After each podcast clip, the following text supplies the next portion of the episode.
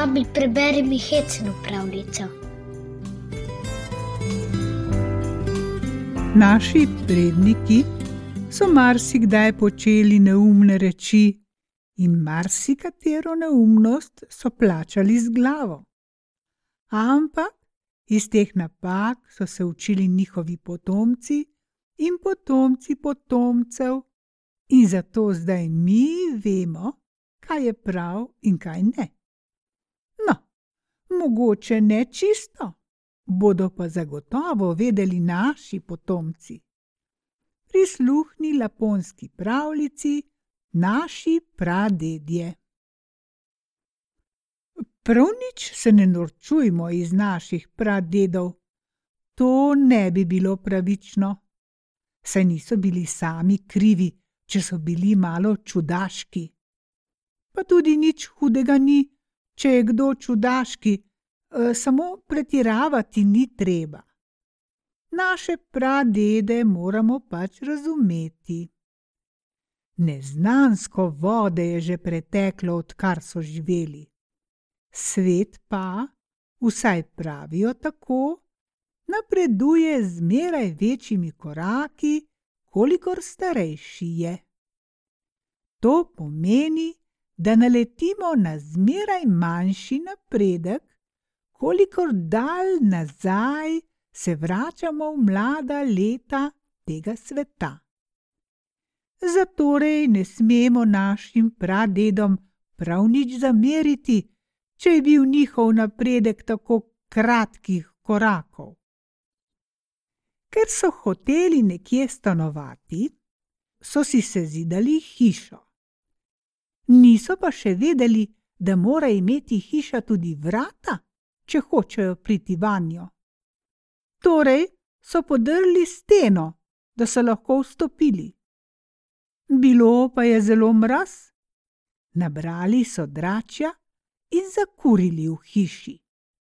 Niso pa vedeli, da mora imeti hiša tudi dimnik, ki kroti ogenj, da s svojimi plameni ne obliže vse hiše. In hiša jim je pogorela. To ni dobro, so rekli. Morali bi se zidati nekaj primernejšega. Po tolažbo so šli v gost. Tam so zagledali na drevesu divjega petelina. Ah, so zavzdihnili, tale ptič ima gotovo okusno meso.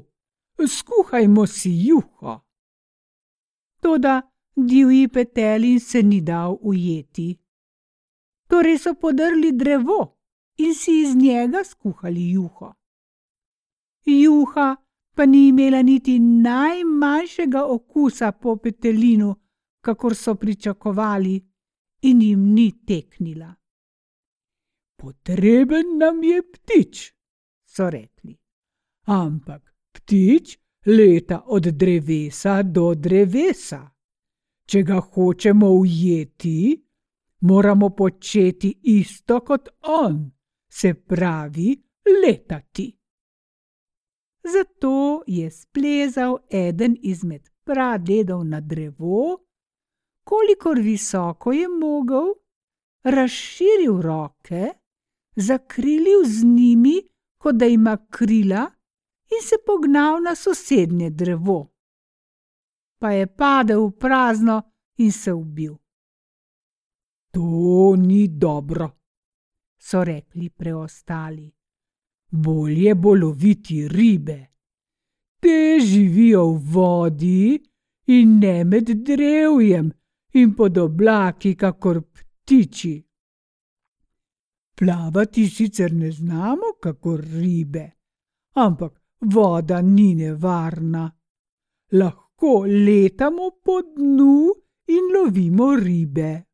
Ne, rajši ne to ne bi bilo ne pametno, ne prijetno.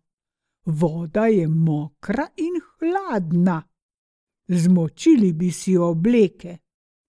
Namesto, da bi hodili pod vodo, bomo rajši pluli po njej. Ne bomo lovili rib od spodaj, marveč od zgoraj. Stesali so si čovn za dva človeka in dosti rib. Eden izmed pradedov je veslal naprej, drugi nazaj. Čovn se seveda ni nikamor premaknil. Ne v Boga, vzemi sekiro in za kazen mahni nekajkrat po njem, medtem bom veslal sam. Tako sta storila, in čovn se je blagovolil premakniti. A ko je prvi praded nehal udrihati po njem, da bi še sam pomagal veslati, se je čovn spet ustavil. Še enkrat mahni po njem. Čovn je spet ubogal. Toda sekira je zasekala van veliko luknjo. Drugi pradedje, ki so z brega opazovali ribolov, so opazili, kako se čovn pogreza. O, so klicali od veselja. Čovn postaja zmeraj težji, to pomeni, da se polni z ribami. V resnici pa se je polnil z nečim drugim in je s čolnarjem vred kmalo izginil z vodne gladine. To ni dobro, so rekli pradedje, ki so stali na bregu. Namenila sta se, da bosta lovila ribe v vodi, prehladila se bosta reveža. Dolgo so ju klicali in jima svetovali, naj se vrneta. Ampak odgovora niso pričakali. Pa so si stesali drug čovn.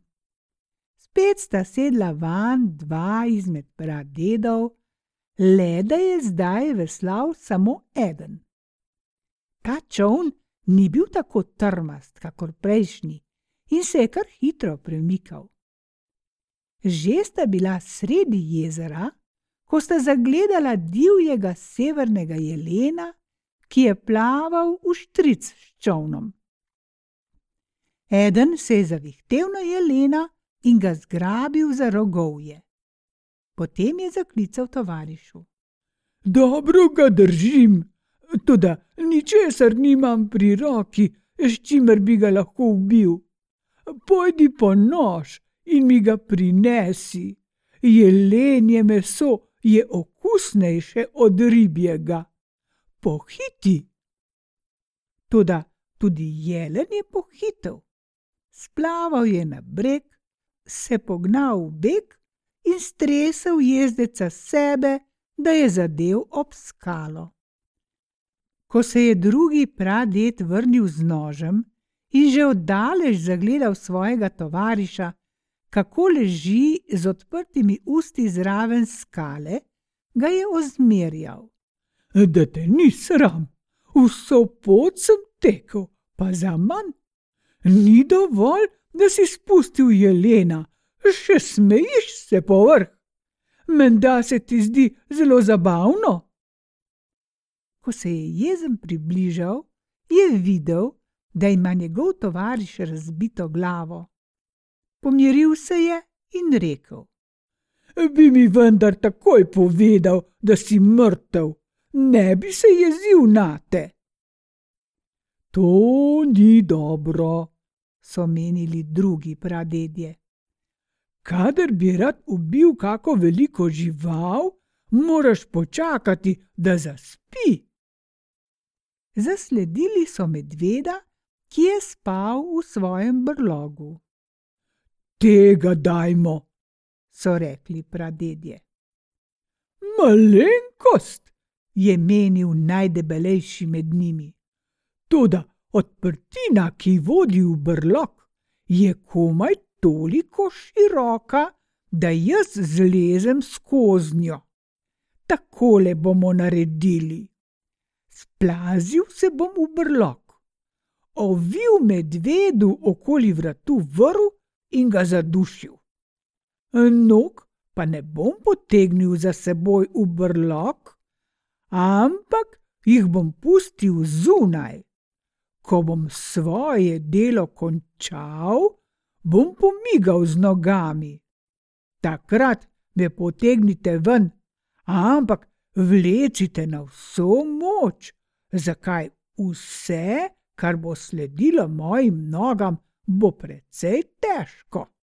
Najprej bodo moje noge, potem vse drugo, kar me je, potem glava zadavljenega medveda in na koncu še ostanek medveda, pa še vrv, ki tudi ni tako lahka.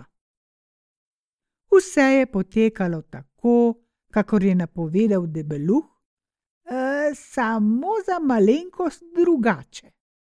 Noge so pomigale. Nekaj rok jih je zgrabilo in krepko potegnilo. Debeluh je pretiraval, so rekli. Še zdaleč ni tako težak, kot je razglašal. Saj nam sploh ni treba tako močno vleči. A kje je tisti zadavljeni medved? A, predvsem pa manjka tu neka glava. Iz brloga so zaslišali neko čudno godrnjanje, tako da so stopili malo v kraj in se posvetovali. Predvsej časa so se prerekali o tem, ali je debeluh imel glavo ali je ni imel. Slednjič so sklenili, da je moral imeti glavo, saj je njegova brada spremenila barvo, kadar je jedel kašo. To ni dobro. Velike živali je treba pustiti pri miru namesto da bi jih ubili mi, ubijajo one nas. In ker nas mrtvečeva brada spominja na kašo, je najbolje, da se zadovoljimo s kašo. Niso pa imeli kotla, v katerem bi si kašo skuhali. V kotlu je namreč spal zadnji otrok, ki se jim je bil rodil. Nismo morilci, ne bi bilo prav, če bi si skuhali kašo obenem z otrokom. Sklenili so, da si priskrbijo drugo posodo. In so si jo priskrbeli. Zadnje dni je precej deževalo, in reka se je na nekaterih krajih spremenila v divji hudournik. Voda je kar vrela v vrtincih. Nič boljšega ni, kakor naraven kotov, so rekli. Voda tukaj vre, kar sama od sebe, še ognja ni treba. In so stresali kašo v vodo, kjer je bila reka najglobja in najbolj divja. Kaša je morala pasti prav na dno, je rekel najbolj lačen in najbolj suh med našimi pradedi. Skočil bom dol do nje in ko se bom najedel, se bom vrnil, da se bo lahko spustil naslednji na dno. Molči, so mu veleli drugi pradedje, vsi smo enaki, zato bomo skočili vsi hkrati na dno in se najedli kaše, ki mora biti zdaj že dobro kuhana. Kaj pa debeluh? jih je opomnil suhec. Mar ni šel tudi on sam v brlog? Takrat ni nihče ugovarjal, zakaj pa zdaj nasprotujete? Zato, ker nam je hotel debeluh ustreči. Ni imel namena, da bi sam pojedel medveda tebe pa ne vodi ljubezen do bližnjega, temveč požrešnost. Naši predniki so bili kljub zaostalosti, v kateri so živeli, dobri duše slovci in dovolj stvarni, da so lahko pogledali resnici v obraz. In ko so do dobra vse premislili, so dognali, da ima suhac v bistvu vendarle prav. Voda je namreč tako vrela, da bi bilo nevarno, če bi se vsi hkrati spustili vanjo. Zadevali bi se namreč drug v drugega. Iz samega velikodušja so dovolili suhcu, da je sam skočil v reko. Potem so čakali, čakali. Preveč je požrešen, pretirava. V reko je skočil še drugi. Tudi ta je pretiraval. In tretji prav tako. Pa četrti, peti, šesti. Vsi so pretiravali. Še sedmi je hotel skočiti, pa so ga zadržali. Ne trudi se za manj, zakaj bi se močil po nepotrebnem? Tisti, ki so že tam, so pojedli vso kašo in se bodo kmalo vrnili, ali se pa sploh ne bodo vrnili. Obveljala je seveda druga od obeh možnosti. To ni dobro, so rekli pradedje, da bi jedli zato, da bi umrli. Človek naj je zato, da bo živel. Prav nič vas ni sram, da ob vsaki priložnosti umirate, so rekle ženske. Če se ne odvadite te razvade, vas bomo zapustile. Molčite in prepustite skrb za hrano nam. Možje so ubogali, deloma zato, ker so imeli svoje žene radi, pa tudi zato, ker so bili lačni. Ženske so imele za želodce svojih mož usmiljeno srce. Možem je bilo treba samo malo zaljubljeno pogledati svoje žene, pa so se jim želodci že napolnili. Nekega dne so nasitile svoje može s sirom, prav okusno hrano, ki so jo bile pripravile iz košutjega mleka. Na vprašanje mož, kje so dobile to hrano, so pokazale na luno. Tamle, mar ne vidite, da je polovica manjka? Mi smo je odrezali, vi pa jedli. Sir je bil tako dober, da so naši pradedje vso noč skakali v zrak, da bi si utrgali še drugo polovico lune. Plezali so na drevesa in tudi drug po drugem, tako da so bili še sami podobni drevesom. A ko so se ta drevesa iz človeških teles prekucnila, je marsikdo obležal na tleh in se ni več dvignil. To ni dobro, so rekli preživeli. Kaj več govoriti, niso utegnili, ker so tisti hip zagledali v jezeru enak krajec sira, kakršen je bil prej na nebu. Pri priči so pozabili, kaj so doživeli malo prej, ko so se uspenjali proti siru, in vsi hkrati so se pognali v vodo. To pa za res ni dobro, so rekli tisti, ki so preživeli tudi to nesrečo.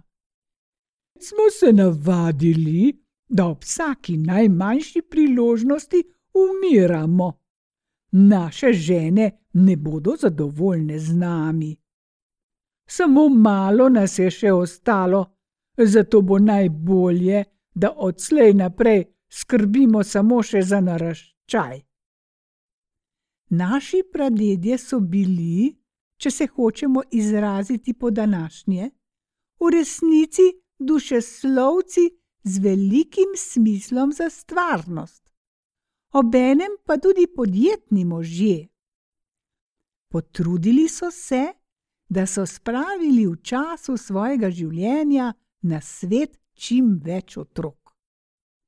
In če nas je danes toliko, se moramo zahvaliti le tem otrokom, ki so bili deležni boljše vzgoje, kakor njihovi očetje. Niso prevzeli njihove slabe navade, da bi umirali za prazen nič. Njim moramo biti hvaležni, da umiramo zdaj udobno na posteljah ali na jelenjih kožah. A naše žene nam ne skrivajo več svojih kuhinjskih skrivnosti in nam ne tvezijo, da hodijo po sir na nebo. Da, da, ubogi pradedje. Res ste bili nekoliko čudaški, ampak časi, v katerih ste živeli, so bili pač še zelo mladi. Zdaj pa nezadržno in z velikimi koraki napredujemo. Naši potomci bodo napredovali še hitreje. In nekoč bodo morda, ko se bodo ozirali v preteklost, kazali na nas prsti in tudi govorili: Prav nič se ni treba norčevati iz pradedov. Res so bili nekoliko čudaški, ampak tega jim ne smemo zameriti. Časi, v katerih so živeli, še niso bili tako stari in zreli, kot so naši.